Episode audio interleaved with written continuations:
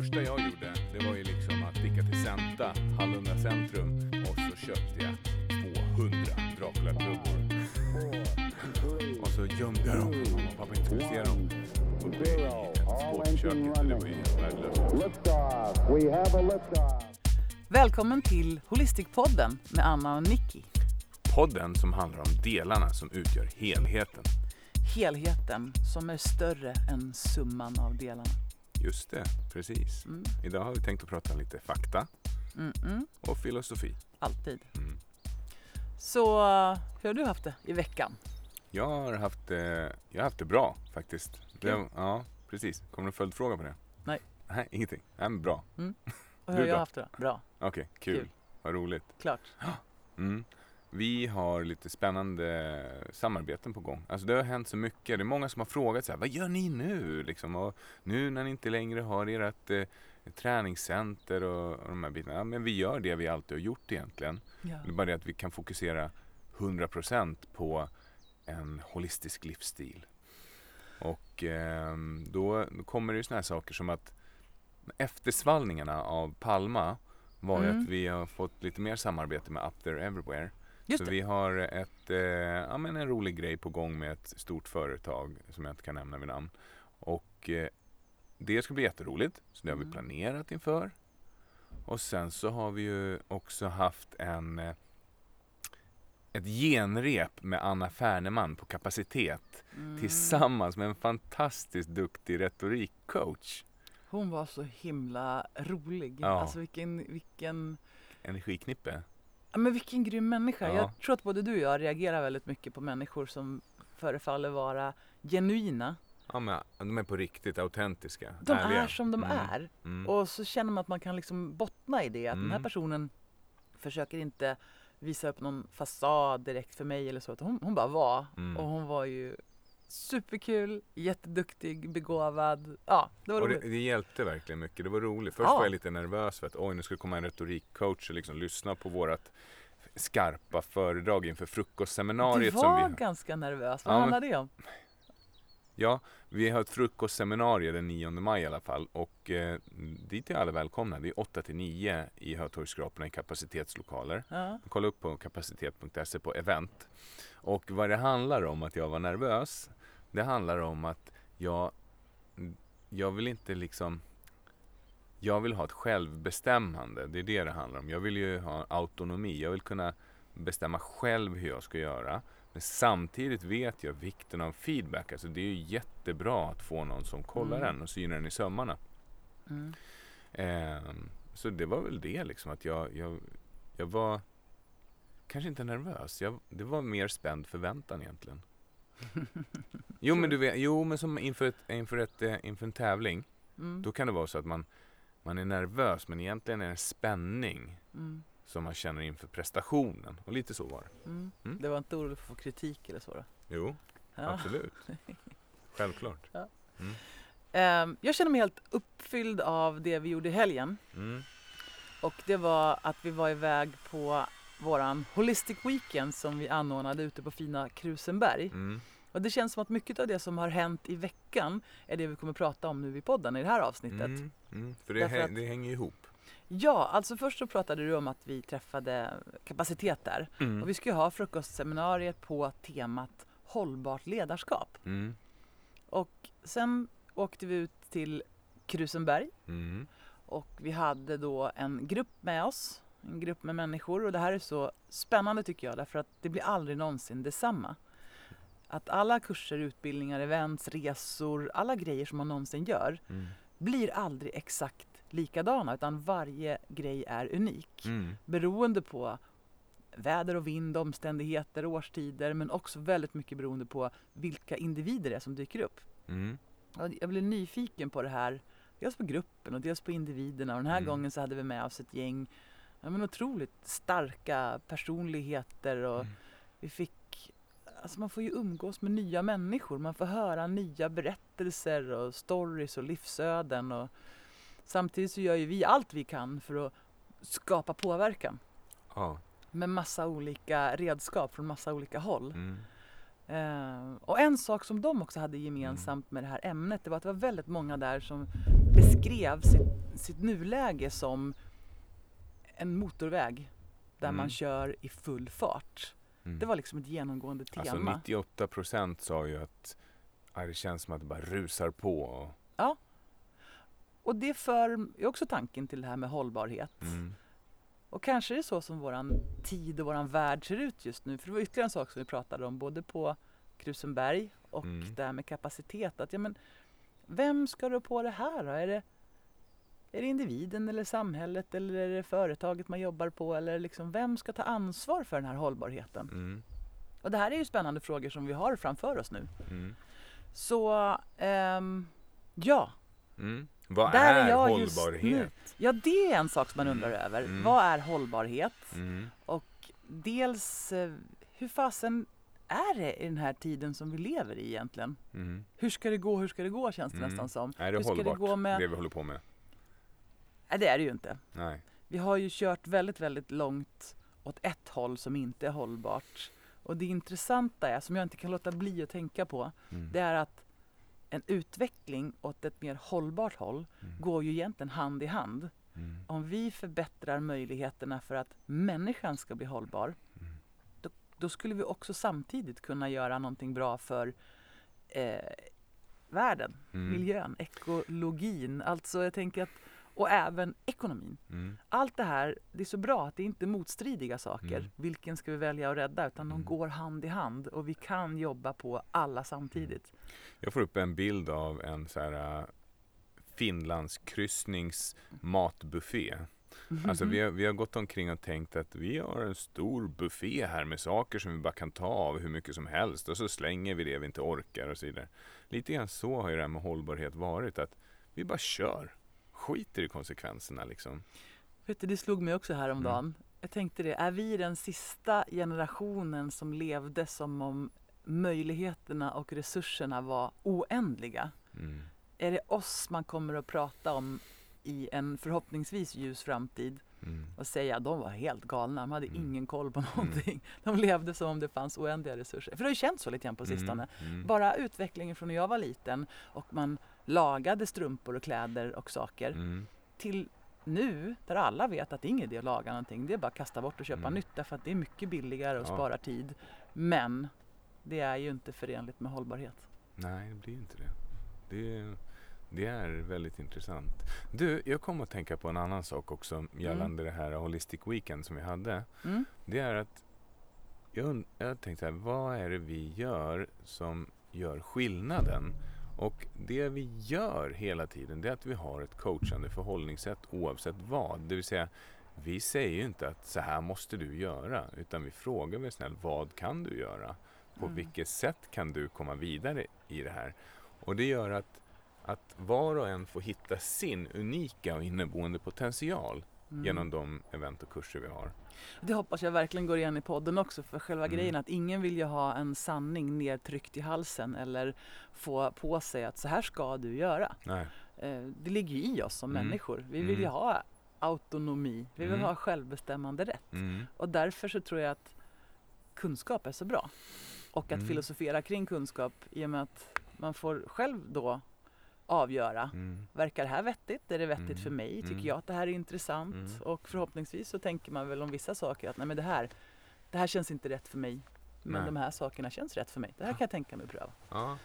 Och då blir det, då blir det hållbart. Så jag vill också innan vi kickar igång så vill jag bara tacka alla som var med på våran Holistic Weekend. Mm. Så jag kan tacka dig, Mm. jag kan tacka mig, jag kan tacka alla deltagare. Mm. Stort tack till Krusenberg som är så charmigt och fint. Mm. Och också tack till våran samarbetspartner The Body Shop Forum Uppsala som liksom sätter lite guldkant på våran tillvaro Mm. med mysiga spaprodukter. Vilken goodiebag från dem. Ja, det var Mm. mysigt. Och det var en fan, det blev, det blev en magisk stund på fredagskvällen för att det hade snöat under dagen och vi visste inte riktigt liksom hur blir vädret? Det spelar inte så stor roll Mm. egentligen. Mm. Men det som hände var att vi träffades, vi hade ett mysigt samtal i början. Mm. Vi tränade, vi körde en relax och sen så gjorde alla det där att vi bytte om till morgonrock och så Mhm. gled vi ner till den här stugan precis vid vattnet Mm. och solen sken och vattnet låg alldeles blickstilla Mm. eh, och vi hade lite bubbel, vi hade lite skön musik och lite Mm. chips och det blev en sån här otroligt fin stund och många valde att gå och bada i det här iskalla vattnet. Mm. Och det kändes lyxigt. Mm. Det var jätte, jättefint. Mm. Så tack alla för en fantastisk, magisk upplevelse. Mm, Den tack bor i mitt hjärta just nu. Det var fint. Mm, det var grymt. Så du, Mm. Om vi pratar om eh, dagens ämne, Just det. då är det hållbarhet. Mm. Och jag tänker att om vi pratar om hållbarhet, vad var det nu vi tänkte med det? Vad ska det leda till fram till? Det ska leda till eh, funderingar och eh, tankar kring vad det innebär. Mm. Och kanske en del insikter om hur jag själv gör för att vara mer hållbar i Mm. livet. Mm. Vi kommer nog inte kanske, jag tänker att det kommer inte handla så mycket om miljö och eh, liksom ekonomi och sådana saker. Nej, kanske inte. Lite Nej. kanske. Jag är lite taggad på det. Ja, Mm. okej. Men, men jag tänker så här, att om, genom att fokusera på hållbarhet Mm. så vill vi ju att det ska finnas bättre arbetsplatser. Mm. För arbetsplatsen behöver ju skapa en miljö av att det går att vara hållbar. Mm. Alltså om kulturen Men vad är en hållbar arbetsplats då? Ja men det är att man som människa kan få ha hälsan i behåll tänker jag. Okej. Eh, vad det gäller människoperspektivet. Mm. Alltså om en, ett företag med ena munnen säger att jajamän vi har en friskvårdsplan, de får 3000 spänn per år. Då Mm. kan man gå och träna. Mm. Då kan man ju tycka att det, är- det är fint. Mm. Men om kulturen som råder på företaget inte tillåter tid till att träna, Ja. då krockar det ju ganska rejält. ja, det där är intressant. Man tar ett beslut som ska verka bra. Mm. Men till exempel om alla företag då tänkte att ja, men jag, eh, vi, de får ett friskvårdsbidrag men de får också träna på betald arbets, arbetstid. Mm. Det är en investering i välmående. Det är att visa med både liksom tanke, handling och känsla att här menar vi allvar med Ja. hållbarhet. Och jag vet att det Ja. finns många chefer också som på riktigt säger till sina anställda, nu vill jag inte att du sitter och jobbar ikväll, Mm. utan det här tar vi imorgon. Och det är också ett sätt att visa vägen för att skapa en hållbar miljö. Ja. Ehm, vi pratade på mötet där lite grann om att på vissa arbetsplatser så kanske det tas för givet att vi äter inte lunch. Mm. Vi kastar i oss någonting i värsta fall, Mm. bästa fall. Det är ett icke hållbart förhållningssätt till människan som behöver både återhämtning och näring och rörelse och aktivitet. Mm. Så att hållbarhet handlar väl om att se till helheten och verkligen skapa möjligheter för det mänskliga systemet att må bra. System säger du. Ja, vi kommer att Mm. prata en del om Mm. system. Bra. Nu har vi fastnat lite grann, eller vi har, vi har kört vidare, vi har Ja. tjuvstartat. Ja. Vad kan man ta med sig härifrån, det här avsnittet? ja, men jag tycker man kan ta med sig lite fakta. Jag Liksom tror att man kommer att bli Mm. upplyst helt ärligt. Mm. Därför att vi kommer verkligen prata om det här med hållbarhet. Och det Mm. är... Det finns inga måsten. Nej. Men att tänka hållbarhet gränsar på ett borde i alla fall. Ja. Ja, det är svårt att motivera att inte tänka på hållbarhet. Ja. Jag tycker det är jätteviktigt. ja. man- om- Alltså vad är motsatsen till hållbarhet? Och det är ju liksom Ohållbart! Jag menar o-ord är så knasiga. Om det inte är hållbart, vad är det då? Då är det resursslöseri och det är, eh, ja men resursslöseri är väl bra? Mm. Eller det hur? kan vi inte heller hålla på med. Nej? Mm. Så frågor som vi kommer ta tag i här nu då i avsnittet. Det är Mm. dels vad är hållbarhet? Det är en Mm. spännande fråga i och med Mm. att det är ett vitt och eh, ganska använt begrepp. Mm. Vi kommer att prata om ja, men hur gör man då för att Mm. skapa hållbarhet? Vi kommer att prata om hur blir det när hållbarheten inte funkar? Hur blir det Mm. när det är ohållbart? Mm. Vad händer då? Vad kan det leda till? Och, så. Mm. och sen kommer vi också se till att skicka med en liten smart testa hemma-grej. Ja. Mm. Och ett boktips. Mm. Det är bra. Och jag, Så tänker, det blir liksom, det blir som en liten godispåse idag. ja, och jag tänker också att hållbarhet ur ett helhetsperspektiv, alltså ett holistiskt synsätt på hållbarhet. Det kommer ju dit, det går inte att undvika. Nej. För vi kommer in på systemtänk och då kommer vi in på holistiskt förhållningssätt. Ja, och holistiskt ledarskap. Ja. Mm. Nu kör vi! Juhu! Hörru du. Ja. Visste du att eh, 95% av alla tankar som vi har sker i det som är vårt undermedvetna system. Alltså vår reptilhjärna och det limbiska systemet. Mm. Vet du det? Ja. Vet du också att logiskt tänkande och det, det är de resterande 5 procenten av tankarna. Det sker i det som är vår nya del av hjärnan. Mm. Det är Det, ju, det är det som avgör det här att vi tänker samma 96, 95 procent av tankarna som vi tänkte igår och Ja. i förrgår och i förrförrgår. Ja. Det är de här autopiloterna i Mm. hjärnan och det är inte för att vi är dumma i huvudet på något sätt, tvärtom. Det är för att hjärnan har under, under utvecklingens gång mm, skapat energibesparande Exakt. system. ja. Det vill säga, det här funkade igår, då kör vi det imorgon också. Mm, Mm. Mm. Så därför är det också svårt för oss att bryta vanor. mm. Men du, Mm. om vi då tar det här med hållbarhet, det är ett vitt begrepp, eller hur? Vad liksom, har du googlat på det? Vet du, det är precis det jag har gjort. Ja, och vad händer då då? Ehm, så här är det. När man pratar om hållbarhet, jag avskyr sådana här stora väl använda begrepp Mm. som liksom blir lite trendiga Mm. och så slänger man sig med begrepp så här, Åh, kom på ett seminarium om hållbarhet bara för att Ja. det är trendord Ja. och, så, och så betyder det ingenting Nej. eller så pratar man inte om det eller så står man inte bakom det. Mm. Sånt har jag svårt för. Mm. Och just hållbarhet börjar man ju känna så här att åh, det, det trendar. Mm. Allt ska vara hållbart, men vad menar vi med det? Mm. Så om man då googlar Mm. på hållbarhet, Mm. ja men då får man upp en jädra massa grejer. Mm. Allt ifrån vi har kommit på ett hållbart stål. Mm. Eh, vi behöver en hållbar lösning för miljöhanteringen av sopor. Mhm. Vad har det här med sopor att göra? Mm. Det kommer upp väldigt, väldigt mycket. Mm. Men om man, om man tittar på det stora hela då, man vill veta vad, vad är det egentligen, vad är grundbegreppet? Mm. Då är det så här att det fanns en Brundtlandkommission. Oj. Ja, på Va? mitten, slutet av 80-talet. Mhm. Gro Harlem Brundtland minns du. Norges, eh, vad blir det, premiärminister? Ja, I alla Statsminister? fall. Ja. Eh, pratade om att vi behöver få någon sorts ordning på begreppen Mm. kring hållbarhet. Mm. Och då pratar man om ekonomiska system, Mhm. sociala system Mm. och miljö och ekologiska system. Mm. Och det finns ett jättefint uttryck som är så här. Mm. Att vi behöver en hållbar utveckling. Mm. Och det är en utveckling som tillfredsställer dagens behov utan att äventyra kommande generationers möjligheter att tillfredsställa sina behov. Det var väl fint. Kan du ta det igen? Mm. Eh, en utveckling som tillfredsställer dagens behov utan att äventyra kommande generations möjligheter att tillfredsställa sina behov. Mm. Det vill säga, ord som ansvar kommer in i det här Mm. ganska så snabbt. Mm. Och jag läste någon annanstans att vi är den första generationen som kan skapa ekonomisk hållbarhet globalt. Vi kan alltså nu jämna ut de ojämnheter som har varit tidigare och vi är ju på god väg. Har det då med det, med det digitala monetära systemet att göra? Eller att man skulle kunna sprida ut pengarna på riktigt? Nej men alltså våra rikedomar räcker för att mätta alla. Ja. Alla på hela jorden skulle kunna ha det bra. Så Mm. pass långt har vi kommit i vår utveckling. Nu ser det ju inte ut så. Nej.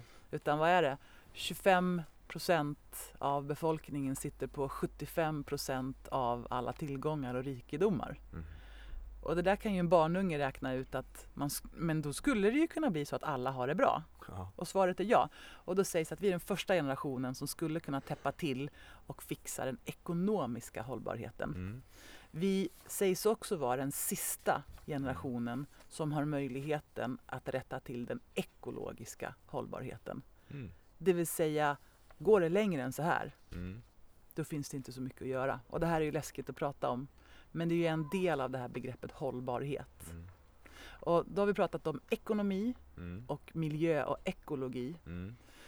Och om vi då går till den, den mänskliga hållbarheten Mm.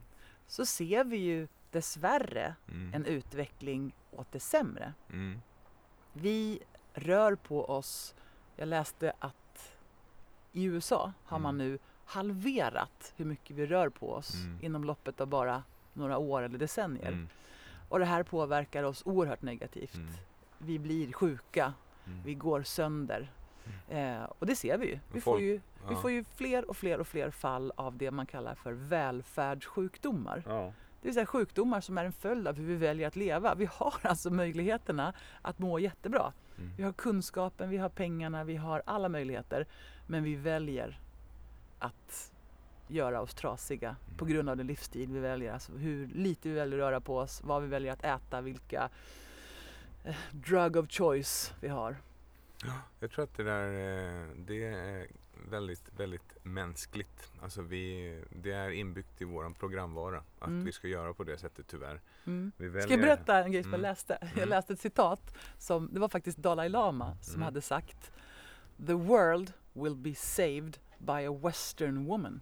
Mm. Coolt. Och då tänker man så här, oj, wow, ja, det var ju häftigt. Det är bara Mm. ett citat. Mm. Och så tänker man på det här med att ekonomi, ekologi och människans väl Mm. i framtiden är så enkelt och går så hand i hand så att jag ofta tänker att det här skulle en barnunge lösa bättre än alla vuxna som sitter på allvarliga ansvarspositioner. För det Mm. finns så mycket makt och pengar inblandat i det här som Mm. förstör. Mm. Och så tänker man, här kommer det nu en liten Greta. Mm. Hon är ett barn Mm. och hon ser på det enkelt och svartvitt. Och hon är en western woman. Mm. Mm. Är det hon som är startskottet till att rädda världen? Kanske. Vad coolt. Jag har inte tänkt på det på så sätt. Nej, men jag har. Flummigt. Ja, Coolt. fakta och filosofi. Verkligen. Så tänker jag. Mm. Vi Ja, skickar ut den tanken i etern. det kan man göra. Mm. Ja, men hur som helst. Hållbarhet är ett vitt och brett begrepp. Men Mm. om man vill veta lite mer så handlar det vanligtvis om de här tre begreppen. Hur de går hand i hand och hur vi alla har ett ansvar för att både leva väl idag men också lämna över ett hållbart system till framtida generationer. Mm. Mm. Vad tänker du om det då? Nej, men jag tänker att det är ju jättesant men att vi blir så kidnappade av våran egna evolution och våran egna biologi. Alltså vad, vad är biologin bakom att vi gör som vi gör? Alltså vi, vi, vi har ett intellekt. Vi har våran nya hjärna som liksom tänker logiska tankar men den är inte alltid påkopplad. Nej, eller så är den påkopplad. Vi brukar prata om iOS, Ja. om vårt operativsystem. Mm. Och att den senaste uppdateringen av det gjordes för ungefär 40 000 år sedan. Mm. Och att det här rör till det för oss. Och egentligen så är det så att vår omvärld har ju förändrats så rysligt fort. Om vi tar från men innan industrialismen Mm. så hade vi ju liksom inte samma förmåga att sabba jorden som vi har haft nu på sistone. Eller oss själva. Alltså våran hjärna är ju fortfarande liksom skapad för att, och våran kropp också, vi måste röra på oss mycket för att Mm. överleva. Mm. Plötsligt behöver vi inte det längre. Kroppen har inte hängt med. Nej. Vår hjärna säger till oss att när du kommer över mat, ät för fasen, ät Mm. kaloririka saker. Mm. Nu omges vi av kalorier och hjärnan säger fortfarande ät, ät, ät. Det förstör också för oss. Det är inte så att vi är dumma i huvudet och vill förstöra för oss, men vi har impulser som är skapta för en värld för länge sedan. Och sen industrialismen har vi plötsligt möjlighet att sitta still, inte göra ett skit, Mm. äta oss sjuka Mm. eh, och se hot och faror. Och vi tänker oftast snabbt, Och långsamt kanske. och inte Men- så långsamt. nej, vi tänker att det här är härligt nu, så jag gör det nu. Ja. Skitsamma vad som händer sen. Vi tänker långsamt på vissa sätt. Det är bara det att vi låter det snabba systemet ofta overrida det långsamma. Det vill säga vi har två system kan man tänka sig. Mm. Enligt eh, en bok som vi rekommenderar, ett starkt boktips. Här av- kommer boktipset. Ja, av Daniel Kahneman. Och eh, den heter Think, Thinking Fast and Slow. Eller Tänka snabbt och långsamt. Och där tar man upp två stycken system. System A och system B. Om man då tittar på system A, vad är det som definierar det då? Jo, men system A är ju det här lite granna sköldpaddan av de två olika systemen. Det är det här systemet som tänker snabbt. Det är omedvetet, det vill säga som, det här som vi sa i början. Är 95... sköldpaddan snabb? Nej, system 2 är sk- är sköldpaddan. Ja, okej. Bra. Och eh, Vad är system, system 1 då? system 1 är Haren då? ja, Velociraptor. Oj. Ja. Mm. Jurassic Park. Okej. Eh, I alla fall, det är Hitta. snabbt Mm. och det är omedvetet. Det är de här 95 procenten av tankarna. Mm. Det ligger där. Det är liksom vårat eh, vad heter det, compulsory behavior.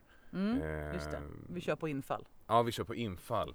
Det är automatiskt och det är våra varje dag beslutanden som finns där. Det är som vi inte behöver lägga så himla ta- mycket tankemöda kring. Det är Mm. det att det här systemet är också ganska...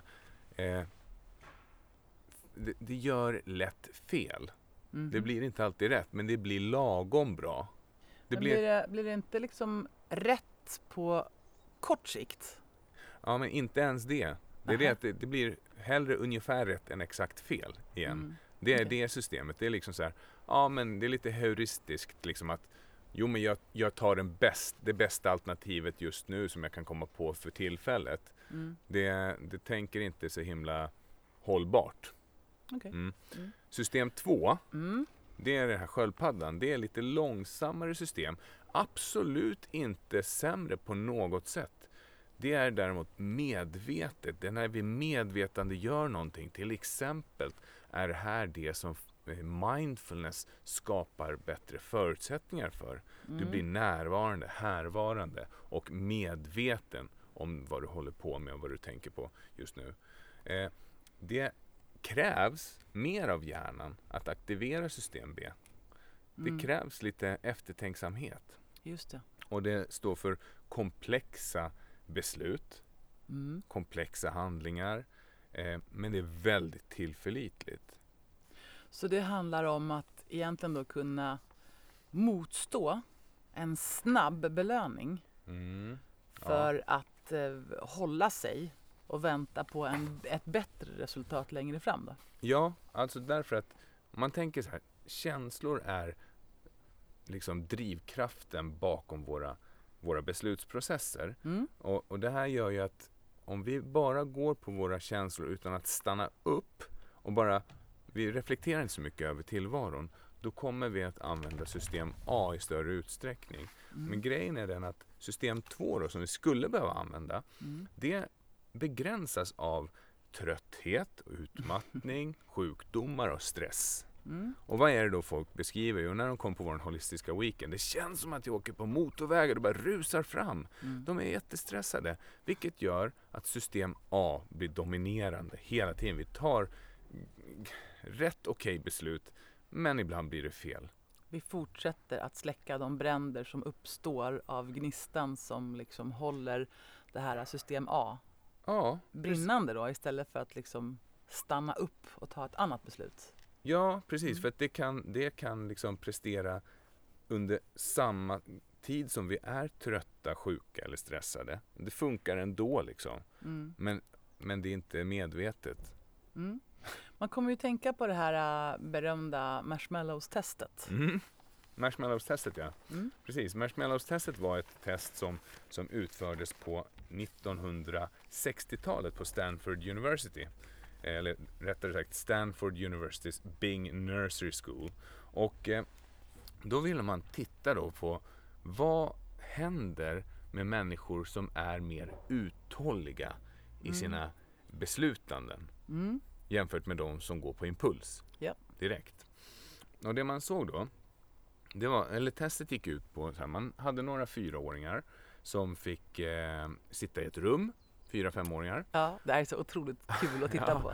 Man kan googla på det på eh, Youtube så kan man se ett test i nyare version. Mm. Men man gav eh, eh, ett gäng eh, små barn en marshmallow framför sig. Och så kommer eh, testledaren in i det här rummet och säger att här har du en marshmallow. Om du inte äter upp den här så får du två när testet är slut. Och det var tio minuter ska du sitta med den här marshmallowsen framför sig. Och bara vänta. Och bara vänta. Och Mm. vissa barn de liksom, de kröp ju nästan ur skinnet. Alltså, det var så sjukt jobbigt och de vill verkligen äta den här marshmallowsen. Och, och eh, Där har vi definitionen på snabb belöning eller att kunna skjuta upp sin belöning för att få någonting ännu bättre. Mm. Men det är egentligen två olika saker. System A och B, de, de är gällande i det här, absolut. Mm. Men den här impulskontrollen, den har inte bara med det att göra. För du kan resonera dig fram till att det vore bra att vänta. Mm. Men om impulskontrollen alltså eh, slår på ändå, eller slår Mm. av, då kommer du äta den ändå. Och det där har ju barn inte utvecklat förrän de är i 25-årsåldern egentligen. Nej, men vissa har Barn. det ändå Ja. mer eller mindre det. starkt. Exakt, precis. Och det man såg då, då, det var att de framtida konsekvenserna av det här var att de barn som kunde motstå frestelsen av att äta upp den här marshmallowsen direkt och Mm. vänta på belöningen. Mm. De fick, eh, deras liv var associerat med bättre hälsa, bättre jobb, eh, alltså lycka, alltså karriärsmässigt mer lyckade och starkare interpersonala relationer, det vill säga relationer till vänner och till, till eh, dina nära och kära var bättre och att de hade bättre självkontroll Mm. helt enkelt överlag i livet. Mm, När de tittade på det här 20 år efteråt efter att testet hade pågått och 40 år efteråt till och med. Vet du, det är första gången jag lyssnar på den här. Jag har ju hört den här berättelsen många gånger och kollat Mm. på testerna också. Mm. Eh, det är första gången jag får tanken, men vem hade roligast?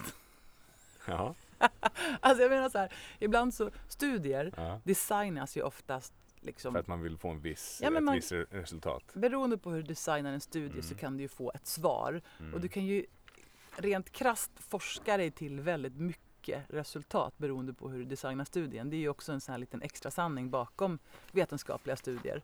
Mm, Men man blir ju sjukt nyfiken på, nu tittade man ju på vissa parametrar, Ja. men de här som har lite sämre impulskontroll, hur kul hade de då? ja, men jag tänker på mig själv därför Ja. att jag är ganska, jag, jag är nog jag hade förmodligen ätit upp den här första marshmallowen på en kan gång. inte du berätta vad som hände när du fick 50 spänn när du var liten? 100 spänn fick jag. Du fick 100 Ja. spänn när du var liten. Nej, men jag fick månadspeng, 100 kronor. Oj. Ja, fan det var skitmycket pengar. Ja, och vad Och- gjorde du då? Ja, då var det så att jag var ju lite godissugen då. Så att, eh, och då fanns det på det glada 80-talet fanns det någonting som heter Dracula-klubbor. Jag vet att ni som levde där och åt godis, ni vet exakt vilka det var. Lak, lakritsklubbor, platta liksom, stenhårda Dracula-klubbor. Alltså de var så sjukt goda. Mm. Köpte du en sån då? Nej. Och det första jag gjorde, det var ju liksom att sticka till Centa, Hallunda centrum. Och så köpte jag 200 Dracula-klubbor. och så gömde jag dem för att mamma och pappa inte skulle se dem. Uppe i ett skåp i köket och det var ju helt värdelöst också. Hur gick det med det? Nej, de hittade dem direkt. Bara, har du köpt de här klubborna för dina pengar? Ja. Men då är dina pengar slut nu. Hopp. Men det roliga är att du är ju fortfarande lite sådär. Mm. Men det liksom. det jag skulle komma till, att jag är lite, jag är väldigt impulsstyrd, känslomässigt styrd. Mm. Men jag har också lärt mig mer och mer under åren att liksom kontrollera de här sakerna lite, lite bättre. Mm. Och därför, så för mig då, så funkar jag väldigt bra med att sätta upp ganska strikta regler. Mm. Men det, det jag skulle komma till var så här. Ja, Att du är ju ganska impulsstyrd. ja, Eh, när du får pengar då kan du lätt sprätta iväg en hel del på Mm. en gång. mysigt. Eh, och sen blir det liksom inte så jättebra sen. Nej. Men roligheten med en sån här människa måste ju ändå räknas in. Det är ju kul att vara med. Alltså, när På vi grund av din impulsivitet. Mm. När vi träffades så Mm. var det ju så att då hade jag lite samlingar och så tänkte jag det var ju så himla kul att träffa dig och det var ju roligt och Ja. jag hade lite låsta pengar så att då gjorde jag ju direkt så att jag bara tog och låste upp de här pengarna så köpte jag en resa till Teneriffa till oss och det vart ju fantastiskt bra. Ja, jag Eller? menar det. Ja. Det var ju så himla kul gjort av dig. Och hade du Mm. varit en mer långsiktigt tänkande person då hade du Mm. säkert tänkt att det här sparandet som jag har i Bostad Stockholm eller vad det heter, det är ju Mm. viktigt och vettigt och Mm. förnuftigt. Men med facit i hand så hade du inte alls behövt det. Har inte ångrat mig en sekund. Nej. Nej. Det vart ju skitbra på lång sikt också. Jag menar det. Alltså att, för ibland så är det så orättvist att man pratar om vett och sans och förnuft och intelligens och framgång och hej och hå. Men det finns ju fler parametrar att titta Ja. på. Livet är långt men livet är kort ibland också. Ja, och vet du vad? Det är precis det där, livet är kort. Ja. Det kan, alltså om man orkar tänka de här tankarna, så är det så här, livet kan ju ta slut nu. Alltså, Ja. Det kan ta slut när som helst. Lite mer carpe diem liksom. Jag gillar den där känslan av att fan, man måste ju leva nu. Man kan inte bara tänka... Alltså, jag, det här richest man on the, on the graveyard. Det Mm. tycker jag, det begreppet är så jäkla bra. Vad är det du sparar till då? Vad är det du sparar till så jäkla, ja sen när jag går i pension, sen när jag har fått så mycket pengar, sen när det har blivit så här, sen när jag får det där jobbet. Ja men det där sen, den grejen, den kanske aldrig kommer. Nej, och det är Om- där som blir så fel. Jag tänker att det här går ihop med det vi ska prata om idag med hållbarhet. Därför att alla dessa eh, oligarker, Mm. alla dessa människor som under sin livstid liksom snuvar åt sig så mycket pengar och så mycket mark och land och egendomar och makt som möjligt. Mm. Eh, det kanske är kul Mm. under tiden och kanske är jag en flummig eh, tänkare. Men det funkar ju inte. Vi kommer ju alla ändå att dö ifrån allt det där så småningom. Ja, säkert. Och vad har man då bidragit till under sin livstid? Mm. Att Ja, men man liksom kan ju hoppa öka på klyftorna och sabba miljön. Och... Ja, kanske inte så enkelt egentligen heller. Jo. Jag menar, ja. Nej, men om du har mycket pengar Mm. och ett stort hjärta så kan det ju vara fint ändå. Jag menar, Bill Gates, nu känner inte jag honom personligen, men han är ju en av världens största filantroper. Liksom. Han, han, eh, deras eh, stiftelse är ju de som delar ut mest pengar av alla i hela världen. Mm. Men då är man ju en force for good. Ja, då ser man ju till liksom att minska klyftor och gap Mm. och Och grejer. då kanske det är hållbart då. Mm. Mm. Vart var vi nu? Vi pratade om att tänka snabbt och långsamt. Mm. Mm. Jo, men du pratade om mig också, om det här med att jag är impulsstyrd. Och Mm. jag, det jag skulle komma fram till var, för att få det här att bli hållbart, så måste man ju dela upp eh, skurarna lite grann med impulsivitet. Det vill säga att Mm. en del av den kan vara impulsiv och Mm. slösa med Mm. resurserna inom sig själv. En annan del behöver lägga undan lite resurser Mm. för framtiden och en annan del kan liksom ha någon form av mellanbuffert där man kan få göra roliga saker som liksom gör sig bra på kort sikt och är roliga så. Och då till exempel för mig när det kommer till till exempel beteende så är det så här att för mig är det skitbra att till exempel ta ett beslut att nej, jag ska inte äta godis nu på ett år. Mm. Därför att det får min hjärna att koppla av. Mm, behöver inte jag, jag, tänka, jag inte tänka på den här impulsen av att behöva äta den här godisbiten som finns där. jag förstår precis. Det Ja. blir ju liksom jätteavslappnande, energibesparande. Asskönt, jag behöver aldrig bry mig. Eller med alkohol. Nu, återigen, jag är inte nykterist på något sätt men jag gillar att göra såna här utmaningar för mig själv emellanåt. Mm. Och det bästa av allt när man tar ett alkohol, en alkoholbreak, det är att jag kan alltid ta bilen överallt. Jag behöver aldrig känna mig begränsad. Jag behöver aldrig känna liksom att det där påverkar mig på något sätt. Mm. Coolt. Så. Ja, men så jag tänker så här. Mm. Vi har en ekonomi när man pratar om hållbarhetstänk. Mm. Och även om inte vi kommer att fokusera mest av allt på ekonomi Mm. eh, så går ju det in i det här hållbarhetstänket för till exempel arbetsplatser, organisationer och företag. Mm. Eh, för vi vet ju också likväl liksom att alla måste bidra till våran ekologiska, miljömässiga hållbarhet. Mm. Det räcker ju liksom inte med att några privatpersoner tar ansvar för att inte flyga något mer Nej. eller sopsortera utan det här är något, ett, ett stort ansvar som vi alla måste dela på och Mm. företag och organisationer är viktiga där. Mm. Men jag tänker också på det här humana kapitalet Mm. som företag, arbetsplatser och organisationer eh, ansvarar för. Mm. Ska vi prata lite grann om hur det blir när eh, hållbarheten inte funkar så bra?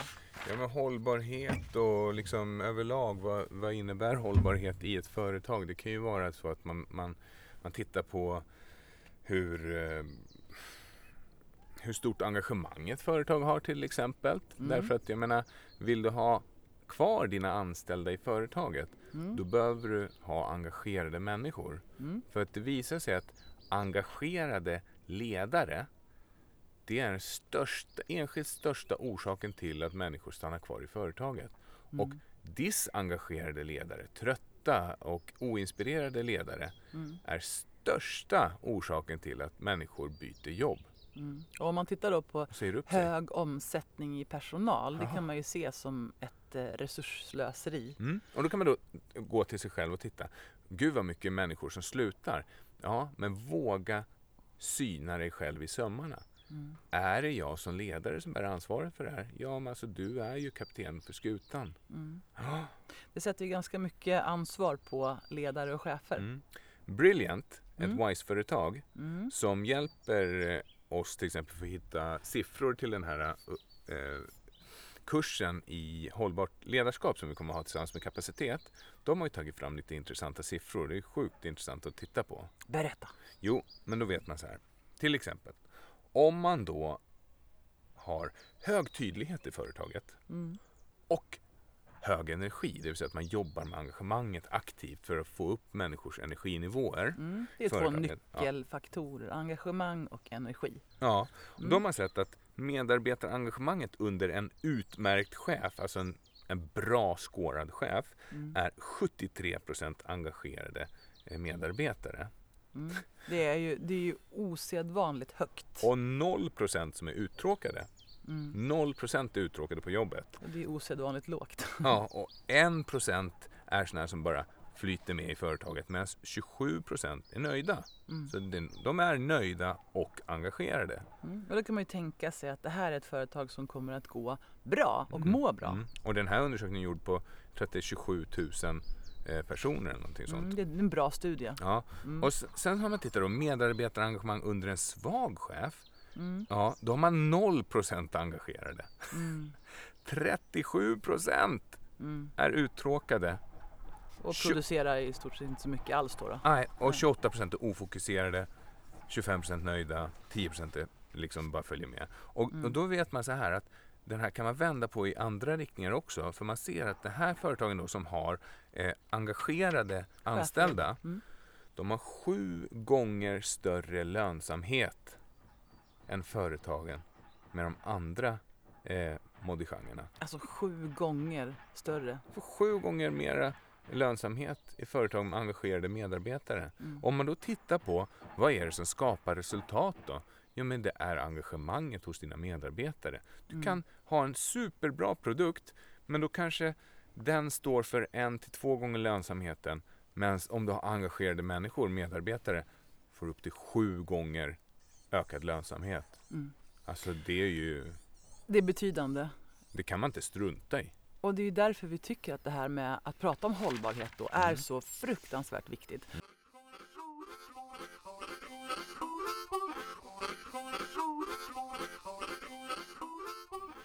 En studie om ledarskap kopplat till lönsamhet som företaget Brilliant har gjort visar på några intressanta fakta. Till att börja med så, den här studien handlar om hur ledarskap påverkar bolagslönsamheten och studien baseras på data från 87 företag. Studien baseras på undersökningar där arbetsmiljöfaktorer kopplats till lönsamhet. Och alla resultat är baserade på statistiskt signifikanta samband. Det det visar är att företag med ett bra ledarskap är mer lönsamma året efter. Det är så att företag som i genomsnitt har ett bra ledarskap har 49% bättre lönsamhet än företag som i genomsnitt har ett svagt ledarskap som visar på 12% lönsamhet. Det andra intressanta i den här studien det är också att ledarutvecklingen spelar en viktig roll, det vill säga hur engagerade ledarna är. Viktiga saker att tänka på för att leder, en ledarutveckling verkligen ska ge effekt är hur kan ett företag vara säkert på att de får return on investment på sin ledarutveckling och att det finns en risk också, det vill säga att det stannar vid en inspirerande förmiddag och sen går chefen tillbaka och gör allting som vanligt. Det säga det måste finnas en återkoppling i att se hur utbildningen har landat. Bra ledarskap påverkar det mesta på ett företag i rätt riktning. Att ändra och utveckla ledarskapet handlar om att ändra beteenden. För att få chefer att ändra beteenden behöver det vara tydligt vad det är cheferna ska göra annorlunda för att den ökade förändringen ska ha en chans att lyckas. Utgå ifrån att det är ledarskap som driver bolaget i rätt riktning och utgå från chefens faktiska förutsättningar. Mät och följ upp både insatserna och cheferna därför att det visar sig att om du har en engagerad chef och ledare i, eh, ur ett medarbetarengagemangsperspektiv så är det så att 73 procent av de anställda visar på ett engagemang i företaget och 27 procent är nöjda medan 0% är uttråkade. Om du däremot har ett medarbetarengagemang under en svag chef, som vi berättade om i podden, eller berättar om i podden, så visar det att 0% är engagerade i företaget. helt motsatt med andra ord. Så engagemang är det som driver företagets lönsamhet framåt.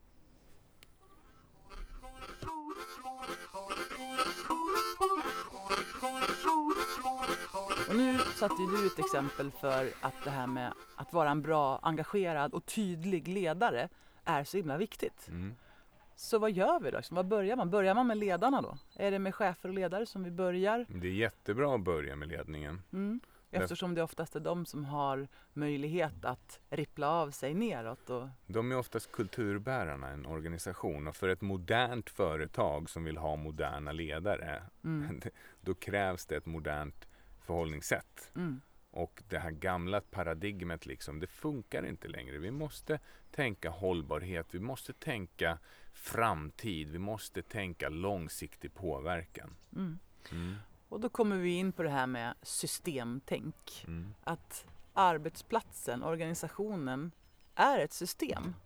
Utan de här 73 procenten som är mega engagerade och 27 procenten som är nöjda Mm. Blir det svårt. Hur mycket chefen än jobbar och hur ofta träffar man inte på sådana arbetsplatser där cheferna springer och springer och springer och springer och Ja. de anställda sitter och känner sig oengagerade och blir Mm. inte delgivna.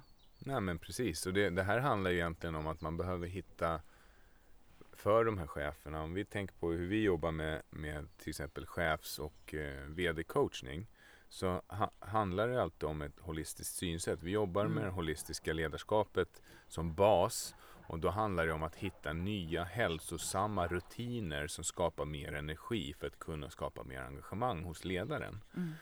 Eh, Och då ja. kommer vi in på det holistiska förhållningssättet. Därför Mm. att det är en helhet. Mm. Människan är en helhet. Företaget är en Mm. helhet. Jag brukar dra en liknelse som jag tycker känns bra för mig. Och det Mm. är att hela min kropp Mm. består av en herrans massa celler. Mm. Och varje cell är ju liksom en enhet för sig. Mm. Och jag fattar ju mycket väl att ju bättre mina celler mår, Mm. varje enhet, desto bättre kommer jag må. Mm. Eh, om jag röker då kommer en stor del av mina celler att må riktigt, riktigt dåligt. Mm. Och, Och undrar vad fan jag håller på med. till exempel. Eller om jag äter skit, eller om jag inte sover, eller om jag tokstressar, eller om jag utsätter mig själv för andra saker som Mm. är toxiska. Mm. Då kommer mina celler att må dåligt och då kan jag räkna med att jag kommer inte heller att må så bra. Jag kommer inte må på topp. Nej. Likväl är det ju så här då att världen, arbetsplatser, organisationer, sammanhang består av en himla massa delar. Mm. Inte celler då, utan människor. Mm. Och då säger det ju sig självt att på ett stort företag så är ju varje individ viktig. Mm. Därför måste ledare ha förmågan att se, bekräfta, lyssna på och vara tydlig med varje cell, alltså varje individ. Mm. Så det är det här systemtänket som blir så Mm. självklart till slut. Mm. Och där är helheten viktigt. Det Mm. räcker liksom inte med att en tårtbit är bra, utan vi tittar på alla tårtbitar som påverkar helheten. Och vi kan inte bara gå på impulser. Alltså hela tiden. Vi måste stanna upp lite grann och reflektera och tänka. Och där kommer stresskurvan in. Mm. Att om du är utsatt för väldigt hård press och stress. Mm. Det har vi pratat om förut, att Mm. stress är ju inte farligt, inte dåligt. Nej. Stress är till och med en positiv ingrediens i vår vardag som får oss att tagga till. Ja. Men det finns ett ställe på den här kurvan där den vänder. Mm. När vi har vår maximala prestationskraft, där möts ju då prestation och stress. Mm. Men öser du på med stress, Mm. då kommer du bli mer och mer stressad. Du Mm. kommer prestera sämre och sämre och sämre. Du kommer att ta sämre och sämre beslut. Och det är väl där man hamnar när man tänker jo, jag vet det skulle kunna vara på ett annat sätt men jag måste bara jobba på lite till. Mm. För nu är det så himla många saker som man måste ta hand om. Och så länge man springer i det där ekorrhjulet så, ja. Ja, och, och, och då är det så här, det, det här är ju lika mycket till mig själv och som till dig och till alla andra lyssnare. Att prova, stanna upp på riktigt och Mm. fundera över. Jag säger till mig själv så här, du behöver inte använda den här frasen. Vad fan håller du på med? Den är bra. Egentligen. Mm. I själva verket. Ja. Ja. Vad fan håller du på med? Man behöver inte vara så provocerad. Man kan ju också stanna upp och säga bara hur, hur går det för mig? Ja men så säger inte jag. Hur går det? Nej, Jag säger sådär. ja, ja, du Mm. får säga så. Och så Men- stannar jag upp lite och så tänker jag så här. Ja, ah, nu måste jag, ja, nu måste jag tänka efter. Nu, det är lite, nu är det lite mycket. Nu behöver jag ta en nap eller meditera eller, eller göra något annat en liten stund. Mm. Och så bara samla tankarna. Mm. Och det är därför en sån här weekend som vi gjorde nu är så himla fin och bra tycker jag. Mm, mm. Därför att plötsligt så committar du till att åka bort. Mm. Och då släpper du mycket av dina det du brukar tänka när du kliver Mm. innanför dörren, det du brukar tänka när du ser tvätthögen och så vidare. Du åker bort Ja. Och så stannar du upp Mm. och så börjar du få lite annat perspektiv. Du får en chans att zooma ut och se dig själv och se vad är det jag håller på med? Hur går det för mig? Vad, vad är det som är viktigt på riktigt och är det det jag lägger tid på Mm. eller springer jag bara på åt ett annat håll? Mm. Och jag upplever att det är det som händer när man gör en sån här weekend. Mm. Och nu boostar du in dels träning därför att Mm. träning skapar lösningsfokus. Den skapar att man släpper ganska många problem. Du mår bra, du kommer på ett bra streak så du kan ta liksom en positiv Ja. perspektiv på Ja. livet. Eh, så vi tränar, Mm. vi njuter, vi slappnar av Mm. och vi gör också processer som medvetet för den här tanken framåt. Mm. Och det är det där äh, själsliga energin som man då får upp lite Mm. grann mer. Man blir liksom mer linjerad i sin själsliga eh, varelse. Mm. Mm. Det tycker jag är fint. Det, man pratar inte så ofta om själen i Sverige. Nej, För att det blir att det är religiöst då. Ja, men det är många saker som har gått under kategorin flum, Mm. Som om det vore dåligt. Mm. Men spirit i USA, det tycker jag är ett bra ord. Det är Ja, liksom spirituality. anden liksom i, Ja. i den, den som är du. Mm. Okej, spännande. Så eh, vad mer då? Vad... Nej men vad mer är att jag tycker att vi har pratat en del om hållbarhet Mm. och när vi pratar om holistiskt synsätt, Mm. holistisk hälsa, holistiskt ledarskap Mm. Då handlar ju det om att det inte är så enkelt som att välja en tårtbit. Vi skojar lite grann och säger så här, ja men fruktkorgar och stegräknare på jobbet är inte en holistisk helhetssatsning. Nej, Det är någon som har tänkt och det är bra, absolut. Mm. Men människan existerar ju på jobbet, Mm. på vägen hem, de existerar hemma. Det är så många Mm. bitar som ska falla in och om man bara liksom ser till en del Mm. då kan det halta ganska ordentligt ändå. Mm. En arbetsplats behöver ta och dra sitt strå till stacken för att människan sen ska kunna åka hem, Mm. slappna av istället Mm. för att jobba, Mm. ha tid att träna istället för att sitta med sin laptop och sådana Mm. saker. Mm. Så det här med hållbarhet, det, det, rör, det går hand i hand. Mm. Jag brukar tänka så här. Tänk om vi, det här är bara ett exempel, tänk om vi verkligen satsade på det här med cykling och promenader, alltså att använda kroppen. För att ta sig hit och dit och fram och tillbaka. Så där som det var förr i tiden. Mm. Skulle det vara bra för individen, människan? Ja. Fantastiskt, eller hur? Verkligen. Därför att det är det vi Mm. skapar för och mår bra. Vi blir starka, vi blir pigga, vi blir friska. Mm. Skulle det vara bra för ekonomin? Om vi istället för att använda bilar och flyg och dyra saker. Tog oss Ja, fram det till skulle fots. kunna vara bra för ekonomin. Mm. Jag tänker att cyklar är liksom inte svindyra och farliga. Nej, men det, det är inte lika effektivt att transportera saker med heller kanske. Nej, men nu Mm. pratar jag om till exempel att ta sig till och från jobb och olika grejer. Ja, men då skulle det vara absolut. Mm. Mm. Och skulle det vara bra för miljön? Absolut. Ja. Mm. Så de tre, de är så solklara, de går hand i hand. Mm. Ändå ser man ingen större utveckling åt det här hållet. Nej. Man ser ingen större satsning på att wow, vi gör det här. Vi får fler att cykla.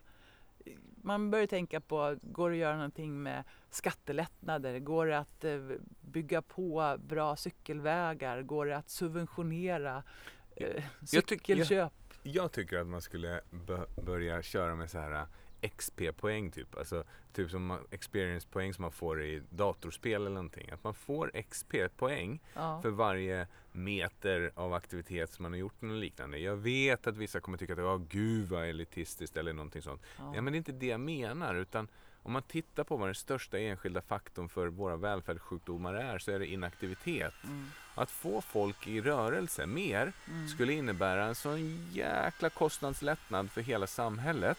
Vet du, jag läste i morse Ja. att för de här livsstilsrelaterade sjukdomarna Mm, mm, så har man ju forskat nu äntligen ganska mycket på det här med rörelse, motion och aktivitet. Man har Mm. inte gjort det tidigare i och med Mm. att man har lagt krutet på att forska på sånt som går att sälja och tjäna massiva mängder av pengar Mm. på.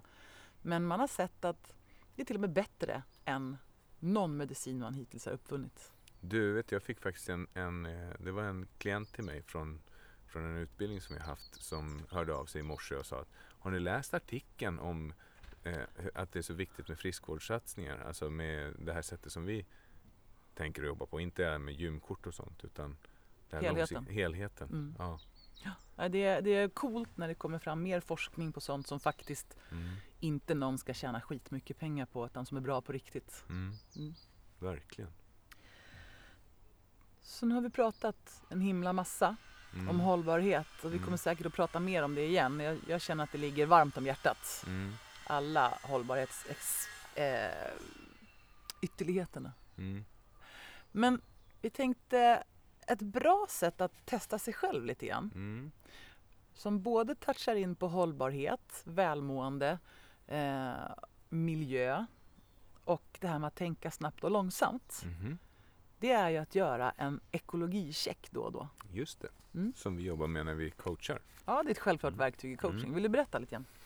En ekologicheck är ju att titta på hur miljön runt omkring dig påverkas i ditt liv. Mm. Och eh, Det är egentligen några enkla frågor bara. det är några enkla frågor som alltid avslutar de samtal som, som man har med klienten för att se till så att det verkligen har landat på rätt sätt. En sista check bara av att det här blir bra för helheten. Den första frågan är ju då eh, på vilka sätt blir det här bra för dig? Ja, men då skulle man kunna räkna upp det blir bra för det här. Okej, på vilka sätt blir det här bra för dina närmaste Mm. runt omkring dig, Mm.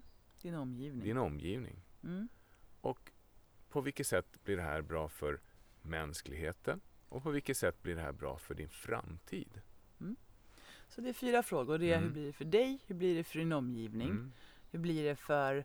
Eh, The greater good. ja, Mm. precis. Och hur blir det för framtiden? Ja. Och sen en sista som man kan tänka för att få hjärnans abstrakta delar att fundera lite mer. Så Mm. ställer man en sista fråga. Så, om du nu har gjort dem, det här är bra för alla de här nivåerna, på alla Mm. de här nivåerna. Och tänker dig ett scenario 23 år in i framtiden. Där du tog det här beslutet nu och du gjorde bra. Mm. Vad, vad föreställer du dig då? Och då måste hjärnan tänka i nya banor. Mhm. Och då aktiverar man det här system B igen. Mm. Tänker att hmm, ja, vi skulle kunna bli bra på det här och det här och det här sättet. Och, ja, då ställer man in auto, autopiloten på nya mål. Mm. Längre horisonter. Visst är det Mm. coolt att man med några enkla frågor på riktigt kan gå in och förändra sina autopiloter och sättet att tänka och fokusera. Att, att det faktiskt kan vara så enkelt ibland. Ja, men alltså vi, jag, tror, jag tror att vi komplicerar oss själva så himla mycket ibland. Ja, hjärnan. Woho. Ja, alltså den är ju jättekomplicerad och vi fattar mindre och mindre om den ju mer vi lär oss om den. Ja, Men det är så här, den är hyfsat enkel att påverka. Därför att, hör och häpna, det är bara du som tänker dina tankar, ingen annan. Det är du som skapar dem. Mm. Och om du ställer rätt frågor så får du rätt resultat. mm. Eller så lever vi i en simulering av en simulering av en simulering och då vet jag inte riktigt. Ah, Åh, jag älskar den där tanken. Ja, nu, nu killar vi på rätt ställe eller? Ja, eh, jag hörde i en annan podd som heter Monkey Mind, tror jag det heter, eller något sånt där. Monkey Mindset. Ja. Då pratade han om, om det finns någon som har forskat, någon kvantfysiker som har, som har hittat riktig kod Mm. i livet, det vill säga ettor och nollor Mm. som härstammar från en kodning som man kom på på 40-talet. Mm. Det där kittlar, eller hur? Alltså, det är Matrix IRL. Det är coolt. Ja, ja. Det Hörru, är, det är ett annat program. Nicky, Mm. Ja. idag ska vi prata om hållbarhet. Mm. Vad tycker du att vi har pratat om? Jag tycker vi har pratat om hållbarhet. Vad skönt. Mm. Vi höll oss Mm. hyfsat på banan. Jag tycker det. Det här är ett sånt där ämne som man kan återkomma till. Ett förhållningssätt. Det är ett ganska mjukt avsnitt känner jag idag. Men Mm. eh, det är ändå liksom på något sätt superviktigt. Det Ja, det är det. När det man är har det. väckt tanken om hållbarhet, då är det svårt att otänka den. Mm. Men jag Det- tror att omtanke Mm. är ett väldigt bra ledord i det här omtank- eh, hållbarhetssnacket. På alla sätt och vis. Ja. Om man tänker om, Mm. så blir det en omtanke. Mm, det är roligt det. Mm. Milton. Så det övergripande målet med det vi håller på med här med podden, med Formulistic, med allt prat vi har haft. Vad är det då? Ja, det är ju faktiskt att skapa en påverkan på lång sikt i positiv riktning. Mm. Att vara en force for good. Mm. Att vara ledarna inom det här holistiska tänket. Att få vara experterna inom holistiskt ledarskap. För det Mhm. vill jag känna att jag kan vara. Mm. Och jag tänker skapa mer välmående Mm.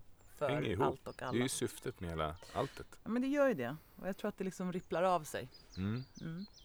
Så vad, vad kan man testa då? Om man har lyssnat på det här och känner att det här känns viktigt. Det här känns intressant. Jag skulle faktiskt vilja prova. Ja, man kan väl liksom testa att eh, göra en ekologicheck. Mm. Eller hur? Och det var det där som du tog här på slutet. De Ja. här fyra frågorna helt enkelt. Ja, ställ frågorna öppet också. Ja. På vilka sätt är det här bra för mig? På Mm. vilka sätt är det här bra för människor i min omgivning, mina närmaste och kära? På vilka sätt är det här bra for the greater good, för mänskligheten och för livet? Och på vilka sätt är det här bra för min framtid? Mm. När man öppnar upp frågan, Mm. då kan det finnas ännu flera svar som man inte har tänkt på. Mm. Vilket bara ökar betydelsen. Och vill man lyssna lite mer på lite begränsa, eller angränsande ämne då kan man ju gå till den podden som vi spelade in om stress. Mm. För där Mm. pratar vi mycket om hur stress ställer till det till att ta bättre beslut och vad man kan göra och vad det är som påverkar att man blir stressad och så vidare. Ja, Så den kan man gå till om man vill. ja. Tidigare här i Holistic-podden. Och sen kan man, jag vill ge några boktips. Får jag det? Ja, några fler? Ja. Ja. Så dels Daniel Kahneman, eh, Tänka snabbt och långsamt. Den Mm. är riktigt bra. Mm. Sen har jag en annan som heter The Biology of Belief. Mm. Den är tung men den är grymt bra. Mhm. Och sen finns det en annan bok som heter Varför gör vi som vi gör? Mm. Den heter på engelska tror jag den heter Behavior. Okej, Ja, riktigt tjock bok. Men eh, för de som gillar det. tjockt bra. Ja. Ska vi eh, säga så här att vi ses igen om ungefär en vecka? Och till dess så kan man kika in på Holistic-bloggen. Ja, det kan vi Ja. göra. Jag skulle säga så här att vi kan väl ses inom en vecka. Varför inte ses den 9 maj i Mm. kapacitetslokaler? Ja, gratis frukost och inspirerande föreläsningar på ett frukost. superviktigt ämne. Frukostseminarium innan jobbet. Ja. Eh, du får skjuts för Rulle. Det är våning 13 i Hötorgsskraporna där. Sjukt fin utsikt. Ja, den bästa. Du får lyssna på oss eh, Mm. och Anna Färneman. Och Mm. Träffa oss också. träffa oss också. Och det blir jättekul. Det är 8 till 9 på torsdag nästa vecka är det va? Mm. Mm. Det är det. Fantastiskt roligt. Den 9 maj. Ja.